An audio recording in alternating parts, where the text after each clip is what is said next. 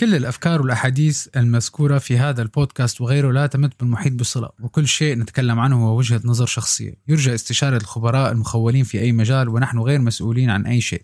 اقتضى التنويه. دخلك بتعرف ما بعرف. ما بعرف. نام تبلش؟ ما بعرف. ما بعرف. طيب اسمع بركي بتعرف.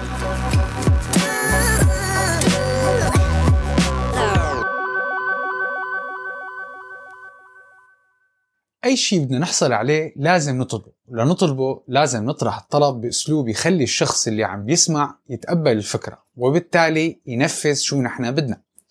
طلعوا حواليكم. نحن بشكل يومي بنقوم بطرح الأفكار والطلبات على أمل أنه تتحقق من الأشخاص المحيطين.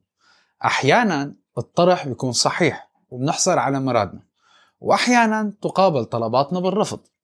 الولد لما بده شيء من أهله بيطرح الفكرة بأسلوب.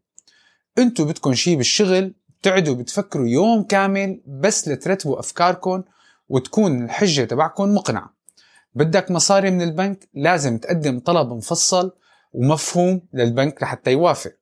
العامل المشترك بكل هالمواقف إنه كله لازم يكون عنا أسلوب طرح مقنع وواضح ومن غير هالأسلوب احتمال نحصل على الشيء اللي بدنا إياه صعب. كم مرة انطلب منك شيء ووافقت وبس يجوا يسألوك كيف وافقت شو بتقول؟ بتقول يا أخي قنعني ما قدرت تقول لا. هذا بسبب الأسلوب والقصة اللي انطرحت لك وقنعتك. نفس الشيء بالبيع. كتير أيام بنشتري أشياء مو لازمتنا.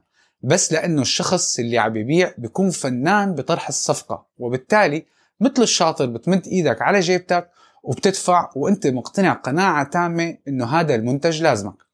الطرح هو فن وأسلوب ومهارة. ممكن نكتسبها بالتعلم والممارسة. وبس توصل لمرحلة من الذكاء. في طرح الأمور الأبواب اللي بتنفتح لك بتصير لا تعد ولا تحصى. طرح الفكرة أو الطلبات نجاحه بيكون كتير مبني على الخطوات والأسلوب أكثر من قديش بتلح بطلبك أو بتضل تعيد وتزيد بالقصة. أورين كلاف قضى حياته بطرح الأفكار ويعمل عروض لجمع مصاري من المستثمرين مشان شركات ناشئة أو شركات بدها توسع أعمالها. وهيك نوع من الاجتماعات عندك فرصة واحدة لتبيع فكرتك. إذا ما اقتنع المستثمر انسى ودور على حدا تاني. أورين اشتغل مع الماريوت مع شركة هيرشي للأغذية بنك سيتي جروب وشركات كتيرة وساعد بجمع ملايين الدولارات لهالشركات لتوسع أعمالها نجاحه بإقناع الطرف الآخر ما كان مرتبط بمهارته أو حظه قد ما كان مرتبط بالآلية والأسلوب اللي بيتبعها ليوصل للي بده إياه. وقديش ضيعنا فرص بس لأنه ما عرفنا كيف نبيع فكرتنا. وهذا اللي اليوم حنحاول نتعلم. لنفهم كيف نطرح الأفكار لازم نفهم كيف العقل البشري مركب. عقلنا مقسم لثلاث أقسام وهون أنا مالي رح أحكي عن المخ بالتعابير الطبية. هي بنتركها لأهل الاختصاص. القسم الأول هذا القسم بيعمل على فرز الإشارات الواردة وشو عم نشوف ومنحس وبيعمل ردات فعل إلها علاقة بالبقاء والنجاة من المخاطر أو ما يسمى ال fight or flight mode القسم الثاني الدماغ الأوسط وهذا مسؤول عن معنى الأشياء والحالة المكانية أو الاجتماعية المحيطة فينا بكل لحظة وبيقدر شو هي الظروف. القسم الثالث ال neocortex أو ما يسمى القشرة المخية الحديثة. هي مسؤولة على مقدرتنا على حل المشاكل والتفكير بالأمور الصعبة وإعطاء الحلول المناسبة. ليش عم نحكي علم دماغ وأقسام الدماغ؟ لأنه لما نحن بنطلب طلب ومنحاول نطرح فكرة للحصول على قبول بنطرحه باستخدام القسم الثالث النيو كورتكس ولكن الشخص المتلقي أول شيء الفكرة بتمرق على القسم الأول ولهيك دائما المتلقي ما بيكون على نفس الصفحة معك. وهون بتكمن صعوبة الطرح والإقناع. لأن المتلقي حيسمع الفكرة ويترجمها لواحد من ثلاث نتائج. ممل خطر أو معقد. لذلك طرحك لازم يكون بأسلوب ما يحفز حس الخطر ومو شرط خطر إنه موت الخطر ممكن يكون مثلا تطلب مصاري زيادة العالم بتصير دفاعية. فلازم أول رسالة يفهمها المتلقي إنه الشيء اللي عم يسمعه شيء إيجابي. ولتحقق هالشيء لازم أسلوب طرحك يهيئ الجو العام من خلال إنك تحكي قصة أو تحاول تلاقي فكرة تثير اهتمام الشخص ليستمر بالسماع بغض النظر عن المشتتات المحيطة. أورين بيقول لك إذا طرحك ما كان ممتع وبيجذب المتلقي بطريقة إنك تتخطى القسم الأول من الدماغ ففكرتك حيتم تجاهلها وما راح تسمع غير الرفض. طرحك لازم يكون محدد بأطر معينة لتساعدك إنه أي شيء ممكن يصير يخدم مصلحتك. شو يعني؟ الأطر أو الفريم هو أداة أنت بتستخدمها لتعبي فيها نقاط قوتك حجتك أسلوبك والمعلومات اللي عم تقدمها. تخيلوا لما عم ترسموا لوحة على كنفة كل مكونات اللوحة حتكون داخل الكنفة ما رح ترسم أي شيء على الحيط والطرح تبعك نفس الشيء. لازم يكون كله ضمن إطار معين. وكل واحد فينا بياخد كل الأمور بحياته ضمن الإطار تبعه. وبالتالي لما أنت عم تطرح موضوع من إطارك حتصطدم بإطار الشخص اللي عم بيسمع. لأنه هو حيشوف الموضوع من إطاره اللي هو محدده ويلي بيكون إطاره أقوى وفارض نفسه أكثر حيتغلب على الإطار الأضعف وبالتالي حيتحكم بسياق الحديث ويطلع هو الربحان بالنهاية. وطبعا الإطار الأضعف حيكون تحت رحمة المحيطين ونجاحه حيعتمد على قرارات الأشخاص الثانية. عنا ثلاث أطر أساسية معظم الناس بتندرج تحتها وهي الأكثر شيوعا لما الناس بتكون عم تسمع أو عم تطرح موضوع. إطار القوة هذا ما بده شرح بيجي من القوة. هذا الناس اللي بيكون الإيجو تبعهم كتير كبير مغرورين متعجرفين وما بيعيروا أي اهتمام وممكن يورجوا أحيانا بعض الوقاحة وصفات أخرى مشابهة. هذا النوع من الأشخاص إذا ما حسسته إنك أنت بموقع القيادة حينتهز أول فرصة ليسكتك وياخد زمام الأمور. لما بيواجهك هيك حدا فيك أول شيء ما تحسسه بقوته ووجوده. تعامل معه بطبيعية مثله مثل غيره بالغرفة. بعدين بتعمل نوع من التحدي للسلطة تبعه بالغرفة. في حال بدك تطرح عليه موضوع من خلال مثلا بتحط قدامه ملف مسكر ومكتوب بخط كبير وواضح خاص أو سري. هو لحاله حيطلع ويحاول يشوف شو في بالملف. أنت عم تعطي الطرح تبعك. إذا هو حاول أو أي حدا بالغرفة حاول يمسك الملف بتسحبه وبتقول لا مو هلأ لنخلص ال presentation أو ليصير وقته. هيك بتكون حددت مين اللي عم يقود ال presentation أو البيتش بالاجتماع. إطار الوقت. هذا خطر شوي لأنه الناس بيستخدموه لحتى يطلعوا من اجتماع مو مهتمين فيه أو ما بدهم يسمعوا شو عندك. وبتحس لحالك إنه حيستخدموا إطار الوقت لما بتصير بتشوف ململة أو علامات طجر لأنه بشكل عام مقدرتنا على التركيز والانتباه كتير قصيرة. فلذلك طرحك لازم يكون واضح سريع ممتع وبيشجع على المشاركة. الإطار الثالث والأخير هو إطار التحليل. هذا بصير لما بتكون أنت أثناء طرحك للعرض بصير شخص أو أكثر بيسألوك أسئلة عميقة وتقنية بتبعدك شوي عن الفكرة الأساسية. الحل هون إنك دائما تفصل النواحي التقنية عن الفكرة الأساسية. يمكن تحطها كملحق بالبرزنتيشن أو الملف. وإذا سألوك تعطي جواب عام قدر الإمكان ومحدد على السؤال نفسه بدون ما تتشعب. وبترجع للموضوع الرئيسي مشان تضل مركز انتباههم لتوصل للي انت بدك اياه واللي عم تحاول توصل لهم اياه. هاي الأطر لازم ننتبه لها بكل اجتماعاتنا والبرزنتيشنز تبعونا اللي بنعملها. لأنه ممكن تتعرض لاكثر من إطار وبنفس الوقت. فلازم تكون جاهز لتعرف كيف بدك تطلع من الحال. المستوى الاجتماعي وتأثيره بالاجتماعات. المستوى الاجتماعي يعتبر جدا مهم لما بنعمل اجتماعات. وهون طبعا ما بقصد طريقة تعاملك بأدب أو شخصيتك أو هندامك. المستوى اللي عم نحكي عنه هو مقدرتك بمهارتك بالتعامل مع الناس إنك تفرض وجودك وهن يسمعوا لك وياخذوا برأيك.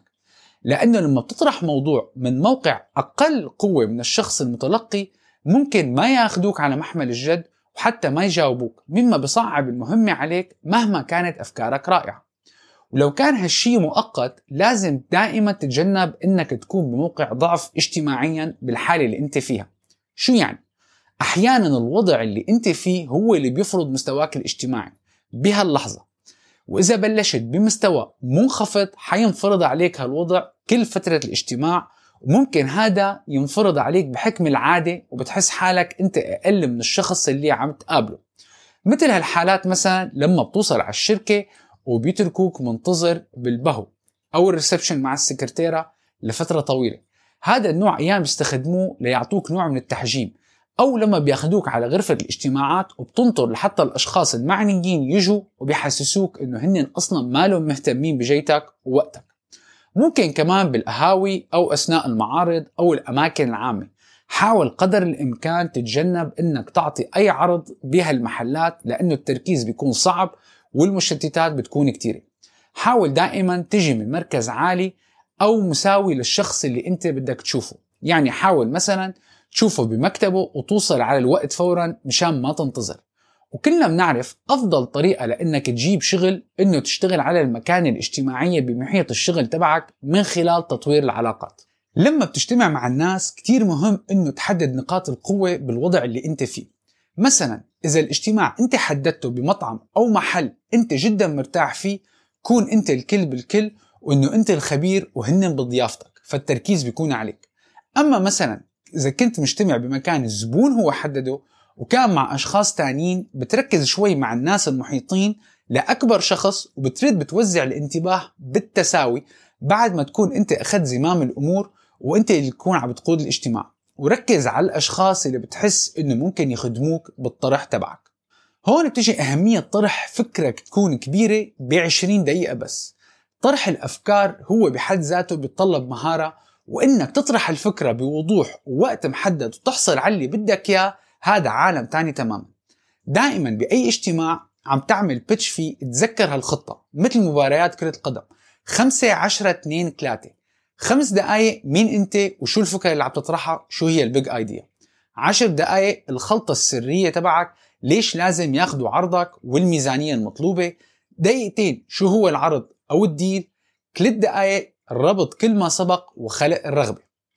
أول خمس دقايق عرف عن نفسك شو حققت مين أنت وشو عم تقدم. خلق نوع من التعريف المقترن بنتائج يلي بيرفع ثقة الناس فيك. وبعدين الفكرة الكبيرة تبعك واللي هي سبب وجودك هون. وبدها تكون مبنية على ثلاث ركائز اقتصادية اجتماعية وتقنية. ولازم تكون الفكرة مترابطة وسهلة التخيل وبتنتقل بسلاسة من ركيزة للتانية لحتى الناس اللي عم تسمعك تتصور الموضوع صح. بعدين عشر دقايق. هذا الوقت بدك تكون كتير حريص إنه انتباه الأشخاص يضل عليك والعرض تبعك ممتع وما ما يكون كتير بسيط بطرحه بالعكس عطي الطابع الخاص لإلك ووصل رسالتك بوضوح وبشكل يوضح الصورة تماما للمتلقي ويعطيهم نتائج واضحة أنت شو بدك. بعدين دقيقتين هون بتحكي باختصار شو المطلوب ومين بده يعمل شو والتوقعات والتواريخ المهمة مثلا توصيل إنتاج عقود المبالغ تواريخ الدفع. بعدين ثلاث دقائق ربط كل ما سبق. هدول أهم ثلاث دقائق بالطرح تبعك كله. لأنه بدك تحطهم بالصورة الكاملة من خلال عرضك للمعطيات بوضوح وترابط وإعطاء عرض يكون صعب ينقال عليه لا. وأحيانا إذا كان الترتيب صح ومنسق الناس بتوصل لقرار حتى قبل ما أنت تخلص العرض تبعك. وعادة هذا القرار بيصلوا له بالعاطفة مو بالتفكير والتحليل. وفيك توصل لهالشي بأحد الطرق التالية. واحد أسر تركيزهم وجذبهم من خلال قصة تكون بتشدهم أو حتى ممكن إنك تخلق شخصية وهمية تساعدك توصل الفكرة النهائية. اثنين أسلوب التفضيل أو الجائزة أو ما يسمى البرايزنج هون بتكون أنت الجائزة اللي هن معجبين فيها كتير وبتصير أنت بموقف قوة إنه هن بدهم يستخدموا خدماتك ويشتروا بضاعتك لحتى هن يشوفوا حالهم إنك أنت الأفضل وهون بدك انت تحط حالك انك المخلص وحلال المشاكل الوحيد يلي فيهم يلي هن بدهم اياه ثلاثة تحديد الوقت. متى ما اعطيتهم العرض تبعك وصار في قبول فيك تسكر الموضوع بوضع وقت محدد لهالعرض وإلا بيخسروا. بس هون لازم يكون عرضك عن جد شيء غير متوقع وما بيتفوت. أربعة المنحى الأخلاقي أو المجتمعي. هون بتربط العرض تبعك بنوع من المسؤولية المجتمعية أو الأخلاقية بحيث يحسوا بالذنب في حال ما أخذوا العرض. بمجرد ما واحدة من التكتيكات المذكورة استخدمتها ونالت القبول معك 30 ثانية لدقيقة لتعطي يلي بنسميه ال call to action أو تطلب تنفيذ إما توقيع أو طلب أو شراء. بالتوفيق.